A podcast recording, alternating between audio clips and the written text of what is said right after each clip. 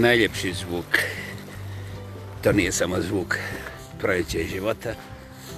To je zvuk nezastrašivog. Aha, evo i pjesma. Ali najprije nezaustavljivog života. I sve to dolazi, sve to dolazi u pakiranju ljepote koju čovjek samo može pokušati opisati. Ah, kako smo u modernim vremenima opsjednuti mašinama i novčanicama. Jedan dobar dio ljudi guta antidepresante, vjerujući da na taj način mogu nekako dotaknuti ljepotu, ljubav, život. E, jedina riječ je bila stramputica, a ovo što vi slušate je 136. podcast Slama sa vama, samostalni podcast i samoproglašeni lingvistički aktivista, monumentalno autentični, ja pa jako bi drugi, Vladimir kreće ispod predivnih stjenovitih planina. Dakle, gdje smo danas? A, pitanje govara samo sebe. Pogledajte gdje ste i ne treba vam ja za taj odgovor. Ali, simpatično, jel?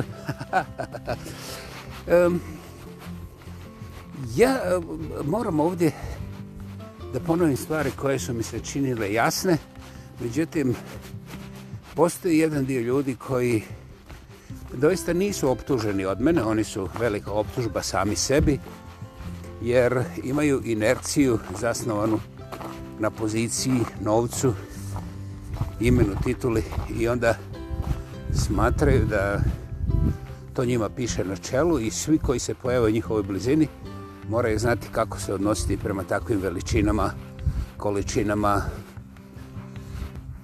i tako dalje, da ne detaljiziram. Dakle, gospodo, u engleskom rječniku postoji nešto što se zove entitlement. Ukoliko ste vi komesar lokalne partije ili vođa neke svoje vlastite crkve, gdje vam ovi ljube skute. Ovaj, to je nešto vaše. Aha. Dakle, vi imate sto ili sto tisuća ljudi koji vam se klanjaju, ljube vam staze koje prolazite i tako dalje i sve redom. Znate, uživajte.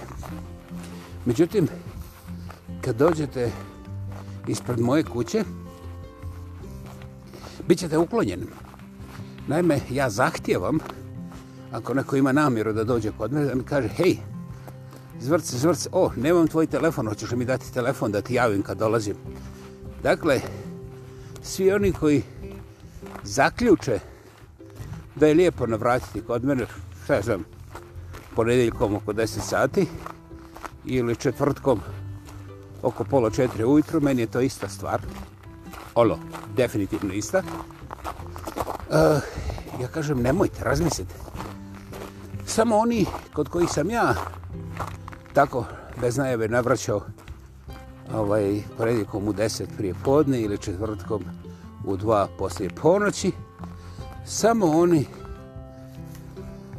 eto nekako mogu da zakucaju, ali i oni dobro znaju da ja to ne volim, pa sam siguran da mi to neće učiniti, jer evo, ima, ima dobrih, dobrih godina da nisu to ni pokušali.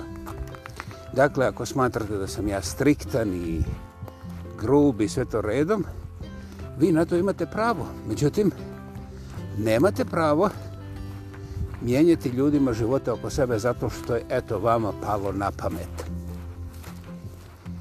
onda vi kažete pa kako meni padne na pamet da ja pričam o poštenom ugostitelju koji samo vara na glavnom objektu njegove prodaje. A ovaj, vidite, to su žabe i babe. Naime, moja kuća, kao tvoja kuća, je privatni, tak, dakle personalni prostor i ima takozvanu privatnu personalnu funkciju i samim tim isključuje da li slučajnu, da li namjernu javnost. Kao što rekao, ne može se tek tako odlučiti doći. Treba imati ili poziv ili naći nekako telefon, e-mail adresu pa reći hej, ja bih došao. Dok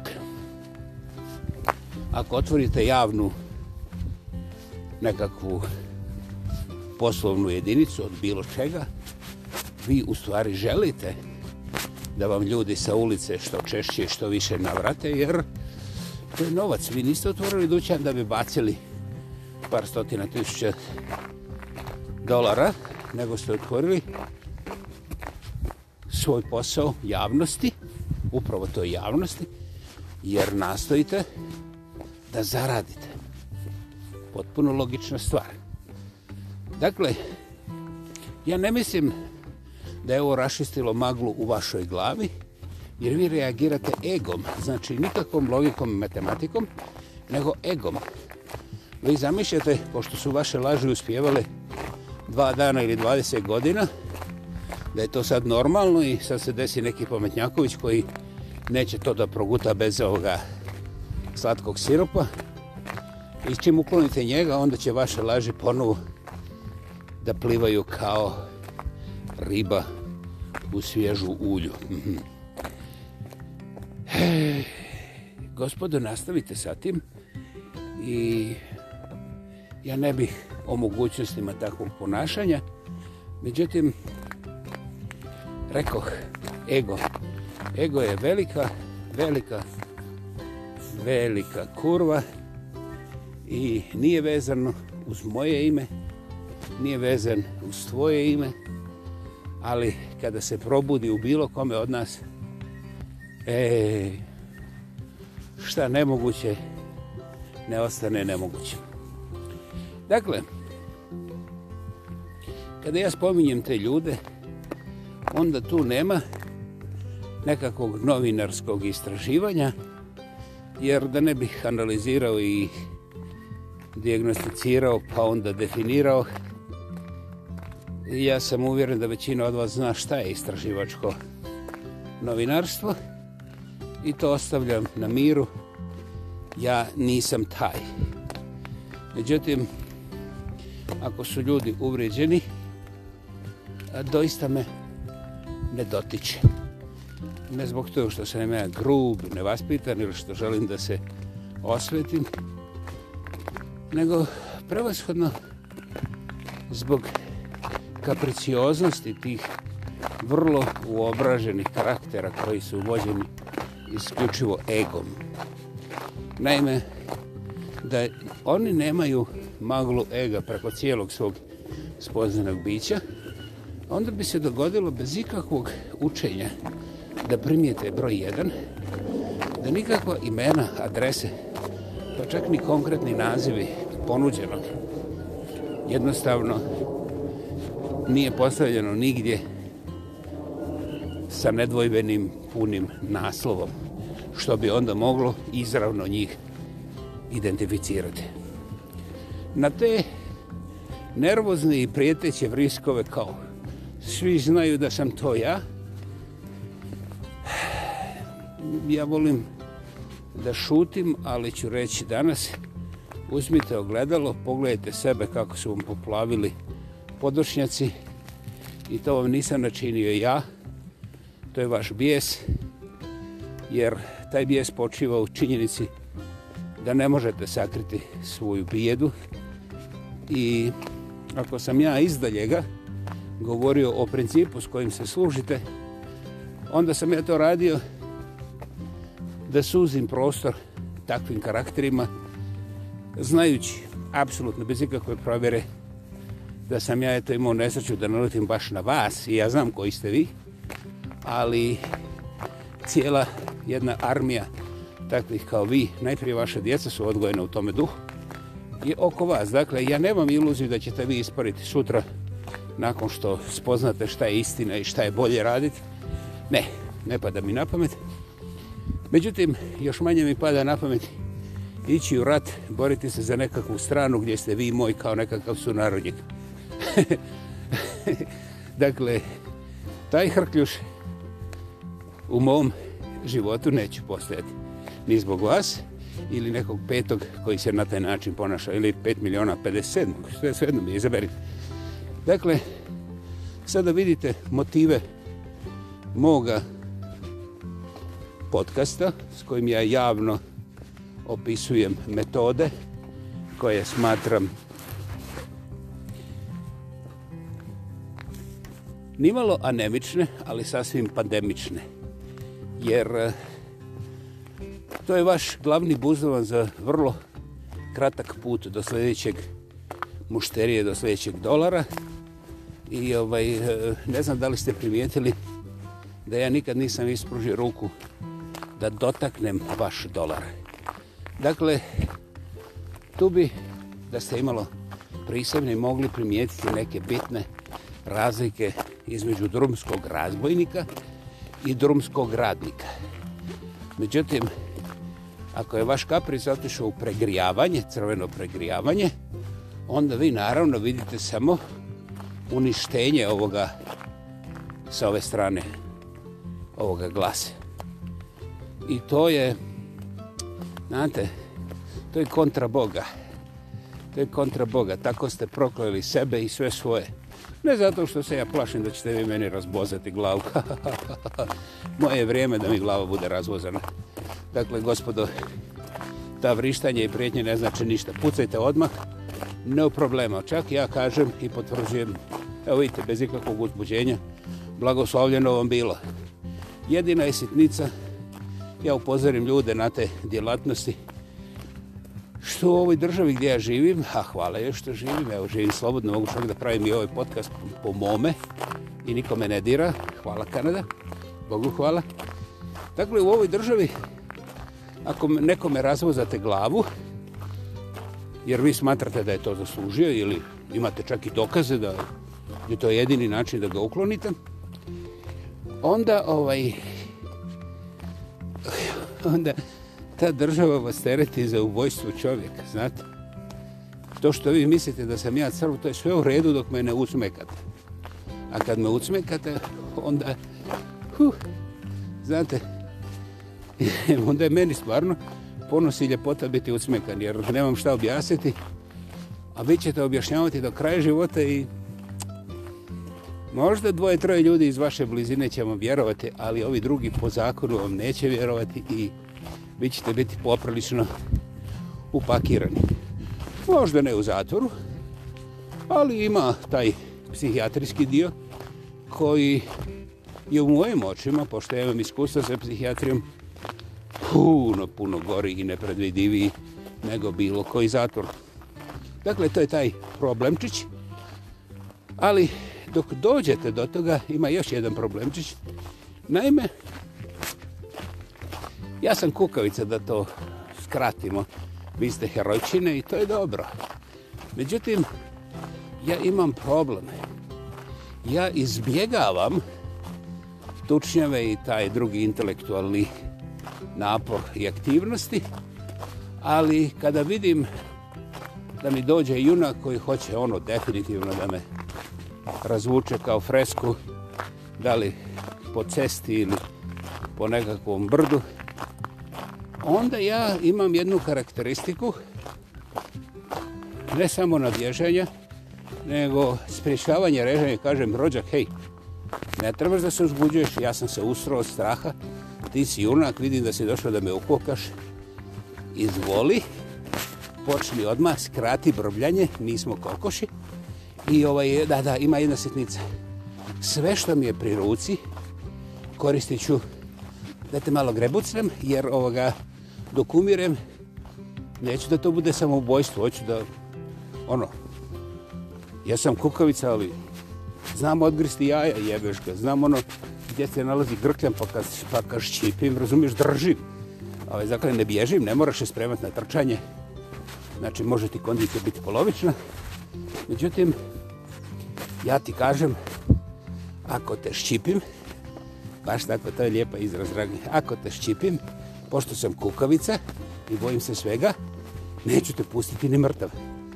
Dakle, pucaj sa rastojanja, vodi računa da pogodiš, jer opet ako promašiš, eto mene, bliže tebe. Dakle, nemam ništa protiv, ja te ne pozivam da me ukukaš, međutim, ja razumijem da je to tvoja sloboda, da ti vidiš to kao jedini mogući način. I Bože moj, poradi potrebne, ali neću da slušam bullshit, neću da slušam ni jednu tvoju, to je zbog ove partije, zbog onog vođa, zbog naših principilnih razlika, zbog eh, ovoliko dolara, zbog onoliko žena. Ej, znaš šta? Fuck off što bi se reklo čekršćima. To nije zasjedanje parlamenta. Ti si, kad si se pojavio pred nekim zakolutanim očima i sa buzdovanom, ti si donio odluke i ovaj, više nema diskusije niti glasovanja ko kako, šta, koliko i znaš princip i te stvari. Toga nema samom činjenicom da se pojavio naoružan ispod mene. Dobro, možeš iza leđa, to je nekako opasnije jer ovoga kao stari vojnik. Ja ovaj, ja slušam koljenima, ako nisi razumio, to su vibracije, one su vrlo, vrlo podmukle i vibracije se vrlo često nalaze ispod tog zvučnog e, kapaciteta naših ušiju, znači imaju nižu frekvenciju, pogotovo kada se neko privlači polako. Međutim, ako čovjek ima nešto u svojim cipelama, ja imam uvijek, onda ta vrlo, vrlo, e, vrlo tiha, vrlo slaba vibracija se čuje u mojim zglobovima. Znaš, ja čak nakon dva ili tri takva koraka u mojoj zoni, znači do nekih desetak metara okolo mene, ukoliko se ne nalazim u Pekingu, u centru gdje u zoni od tri metra oko mene džampa 300 ljudi, znači ukoliko se nalazim u bilo gdje na nekom normalnom mjestu, sporedno je na kojoj podlozi, jer nijedna podloga ne amortizira vibraciju na nulu, to zapamtite, to ćete koristiti na masu drugih stvari. Ovaj,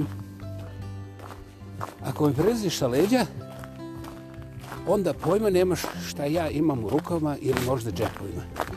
A ja uopće neću provjeravati šta ti imaš u rukama. Nego kada se uvjerim, a to je jedan, dva, tri, kada se uvjerim da iza mojih leđa dolazi opasnost koja ne pomišlja o, el, o alternativnim postupcima, znači da me prođe, recimo neki prolaznik, ili da pokuša razmisliti da li je u redu nekoga sleđa ukokati. Mislim, ono, ako si junak, gledaj mi u facu. E, onda ja takvu buvu uništim na moj način, ali taj detalj ti neću reći, jer onda bi znao šta ja koristim u svojoj samoodbrani. Jer jest, ja jesam kukavica, ne tražim nikoga da mi bude žrtva, ali sam svjestan da postoje ljudi koji jedino vjeruju krv i mada je to tužna činjenica današnje civilizacije, ona će potrajati još generacijama jer ljudi koji se na ovakve stvari ovako uzbude, još uvijek spadaju u divljonce, a njihova djeca sasvim sigurno neće od toga odmaći puno. I to je ta zaraza koju ne može riješiti politika, niti ove ekonomsko-političke nekakve forme, principi, pa ni granice. To mora doći iznutra. Ta poruka univerzuma nije ograničena. A, ne treba vam nijedan novac, ne treba vam nijedna titula, ali to mora doći iz vas. I to je onaj moment kada vi stvarno prepoznate kakve baba roge koje ste svi ponijeli iz djetinjstva, kakve baba roge su usađene u vas prije što ste postali svijesti da imate takozvane neke neprijatelje i onda ste spremni da te baba roge razvozate, da ih pobijete, da ih utamanite, misleći da poslije toga dolazi mir, prosperitet i život od barem 300 godina. Ovo nije ni naivno, nije čak ni za smijanje, jer vidjeli ste na svim generacijama svoje vlastite rodbine da ovakav pristup ne samo da ne radi, nego da na svakom koraku proizvodi sve više i više šrutvi i naravno sve više i više napetosti i tih nekih stručno-naučnih opravdanja za novi rat. Dakle, sada možete primijetiti da ja ne trčim nigdje da nikoga ukokam, jer ne vjerujem da će to riješiti situaciju. Ali isto tako, ako neko pokuša mene da ukoka, pa ja ga stisnem, pa ako mene ne ukoka prije nego što izletne, onda sam ja gotov. Ali ako to ne uradim, hm, ovaj drugi je down. I to, vidiš, nema veze s tim što sam ja kukavica. Nisi me ti zvao kukavica. Evo ja sam rekao da sam kukavica tako da skratimo brbljanje i ovaj, da mi ne moraš prestati tu kao neki domorodac sa našminkanim obrvama i teškim krvovim podošćestima pa da se ja kao preplašim. Softening, omeš, omekšavanje žrtve se neće desiti sa mnom. Ja nisam žrtva čak nikad popim metak. E, eh, nisam se takav rodio, ali, znaš, onda sam pio dovoljno Coca-Cola i primijetio sam da mogu odrastiti. Eto ga. To je otprilike to. Dakle, dragi moji, koji ste uvriženi sa tim mojim pogledima sa strane koji su moja personalna i autentična iskustva, ovo je dobar moment da razmislite o sebi. Jer šta bi se dogodilo da sam ja dokumentaciju koju sam skupio, jer ja volim da provjerim sebe ako mislim da je nešto pogrešno, pa onda sve što radim ja snimam. Da, da, ne samo fotografiju, nego snimam i zvuk. Snimam uh, uh, veliki dio mojih dijaloga sa raznim ljudima. I onda potpuno u miru slušam to iznova. Evo sad ću vam reći još jednu tajnu, tako možete unaprediti sebe. Meni je to pomoglo. I onda kada se nađem opušten doma, kad nema nikoga, ja pustim taj snimak da vidim šta sam snimio, tako naučim to slučajno neprimjećeno snimanje na terenu koje sam usavršio i dopadam, uživam u tome zvuku. I onda, pošto više nema nikakvih iznenađenja, ja znam točno što se desilo u tih pola sata ili 45 minuta, ja se prepustim slušanju toga kao nekakve radiodrame. Imaš dva, tri čovjeka i sad svaki lupa svoje. Ne znaš scenariju, ne znaš ciljeve, ali znaš šta je bilo, bio si tamo, znaš face i onda slušaš to, ali ovaj put bez ikakvih emocija. Aha, to je interesantno. Meni je trebalo dugo vremena da primijetim, na primjer, da kada razgovaram sa ljudima, htio ili ne htio da imam brdo različnih emocija u vrlo kratkoj sukcesiji i da, na primjer, dva do pet minuta nakon tog razgovora, kad izađem na ulicu i razmišljam šta sam ono pošao u grad Kope, da ja u stvari nemam nikakvu emociju. Mislim, nemam sjećanje na emociju, nego znam, Pero je rekao Đuri da je njegova žena danas u bolnici, a Đuri je rekao Peri da mu treba možda sutra neki posao od njega i ovaj ja sam platio pivo. Znaš, e, nekakve e, emocije unutar toga ja nisam čak ni promišljao prije. Međutim, zahvaljujući ovim zvučnim zapisima koje slušam na vrlo kvalitetnoj opremi, ja primjećujem svoje disanje i vidim šta mi je, zašto sam uzbuđen. Pa onda odjedno vidim, prestajem disati šta mi je. I onda uzmem one ovaj, vrlo interesantne grafičke ovaj, sličice zvuka i ovaj vidim masu još tih nekakvih eh, noise okolo i onda uradim malo ozbiljniji pogled i primijetim da ja u jednu minutu mogu da promijenim stotinu različitih emocija, onako površinski, zavisno koja se riječ pojavljuje u sljedećem uh, u, u sljedećem segmentu. Ono, jednostavno, fascinantno za mene samog. Ja sam u, u, svom, u, u svom stanu, u svojoj glavi, primjećujem šta se dešava i onda nisam to primijetio odmah, ali kasnije sam se vraćao i danas se vraćam i to pravistavam i pregledavam otud na ljubav prvom zvuku. Ja primitim koliko puta. I onda u svemu tome sam onda vidio kako ja nastavim pobjeći. Jer jedna je stvar kad ja priznam svoj kukavičluk, onda ja znam šta moj kukavičluk može uraditi i onda sam neuporedio jači. Evo sada sam rekao još jednu stvar. Čovjek koji je sreman da prizna svoj kukavičluk, hej, to je Jer ako je taj čovjek doista dovoljno emotivno, intelektualno zreo da prepozna svoj kukavičluk, pa onda i da kaže, onda on vjerovatno zna šta treba imati u džepu da bi taj svoj kukavicuk, ne samo u džepu, nego u srcu najprije i glavi, da bi taj kukavicuk neutralizirao, da mu ne nanese štete u životu. Ne mislim one ego štete, ko će misliti šta će misliti, nego konkretne štete, da ga se ne izmanipuliše. Druga stvar je što sam primijetio u tom emotivnom prostoru koji nije postao, primijetio sam precizno momente kada taj sugovornik, bez obzira ko je, kada sa sesvim neprimjetljivim riječima, riječima koje ne stvaraju posebnu pozornost, zapravo monumentalno pogađa centar moje emotivne stabilnosti. Aha, aha, aha, neću ovo detaljizirati, ali ovo je strašno važno. I kada preuzima kontrolu nad mojim emocijama, a da me ne dirne. I u tom momentu ja aplaudiram kako je pokvareno meso vrlo svježe. I onda, dva koraka kasnije, ja gotovo ne znam da se to desilo, a onda kada me zabili stomak 3-4 sata kasnije, onda ja znam ko je bio lopov, znam sve, ali ne znam da sam ja taj koji je to odobrio, prihvatio, aplaudirao, pa onda platio. I onda ja ovaj, primitim jebate ništa, ja sam cijelog života govorio o manipulaciji i nikad imao problema da razumijem da ljudi na svim, na svim ljudskim poljima aktivnosti i življenja manipuliraju. Međutim, ima jedna stvar, moj ego je meni ovaj pakirao za ove cihate ovaca.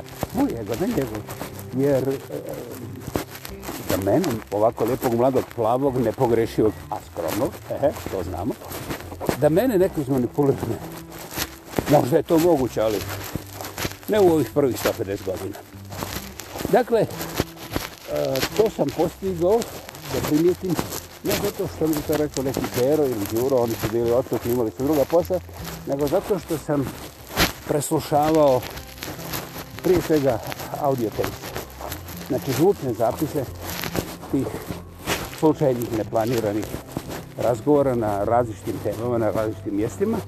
I onda sam precizno vidio kada moj sugovornik preuzima kontrolu nad mojim emotivnim i onda me voze okolo na kognitivnom nivou tamo gdje ja ne bih čak i razgovarao. Međutim, on manipulira fantastično, on je mene emotivno odignuo od moga patosa, znači ja sam se odvojio od svoga stabilnog i logičnog. I onda, kada me odvojio od toga, on samo puhne i ja se otklizam precizno tamo gdje je to njemu ovaj cilj. I tek kad sam na tom cilju, ja primitim da je nešto meni neprihvatljivo. I onda posto sam zbunjen, dok ne platim ili pojedem, ja ne izađem. Dakle, da li ja to krivim manipulanta? Ne, za Boga miloga. Ne za Boga miloga, jer manipulacijom se služimo svi i svako od nas prije ili kasnije pokuša da izmanipulira i ovo je najmoćnija i najstarija metoda koju neki među nama koriste bolje od super Einsteina. A mi, koji smo žrtve toga, smo žrtve po našoj vlastitoj odluci jer nismo sebi dopustili vremena ni prostora da razmislimo šta se zapravo desilo, nego mi raspravljamo da li je hrana ili cijena bila kriva. Što je naravno sve skupa promašena diskusija koja vodi dublje u kanalizaciju. Dakle, dragi moji, ovdje smo učinili jednu ovako colorful analizu koju možete koristiti ovog momenta A pa ja sam uvjeren da neki među vama to i tekako već, kor, već koriste. I ovaj... Jednostavno sam sretan zbog toga, jer o, korištenje ovih metoda ne zahtjeva ničiju krv, a, ničije odobrenje, nikakav novac i ne morate snimati.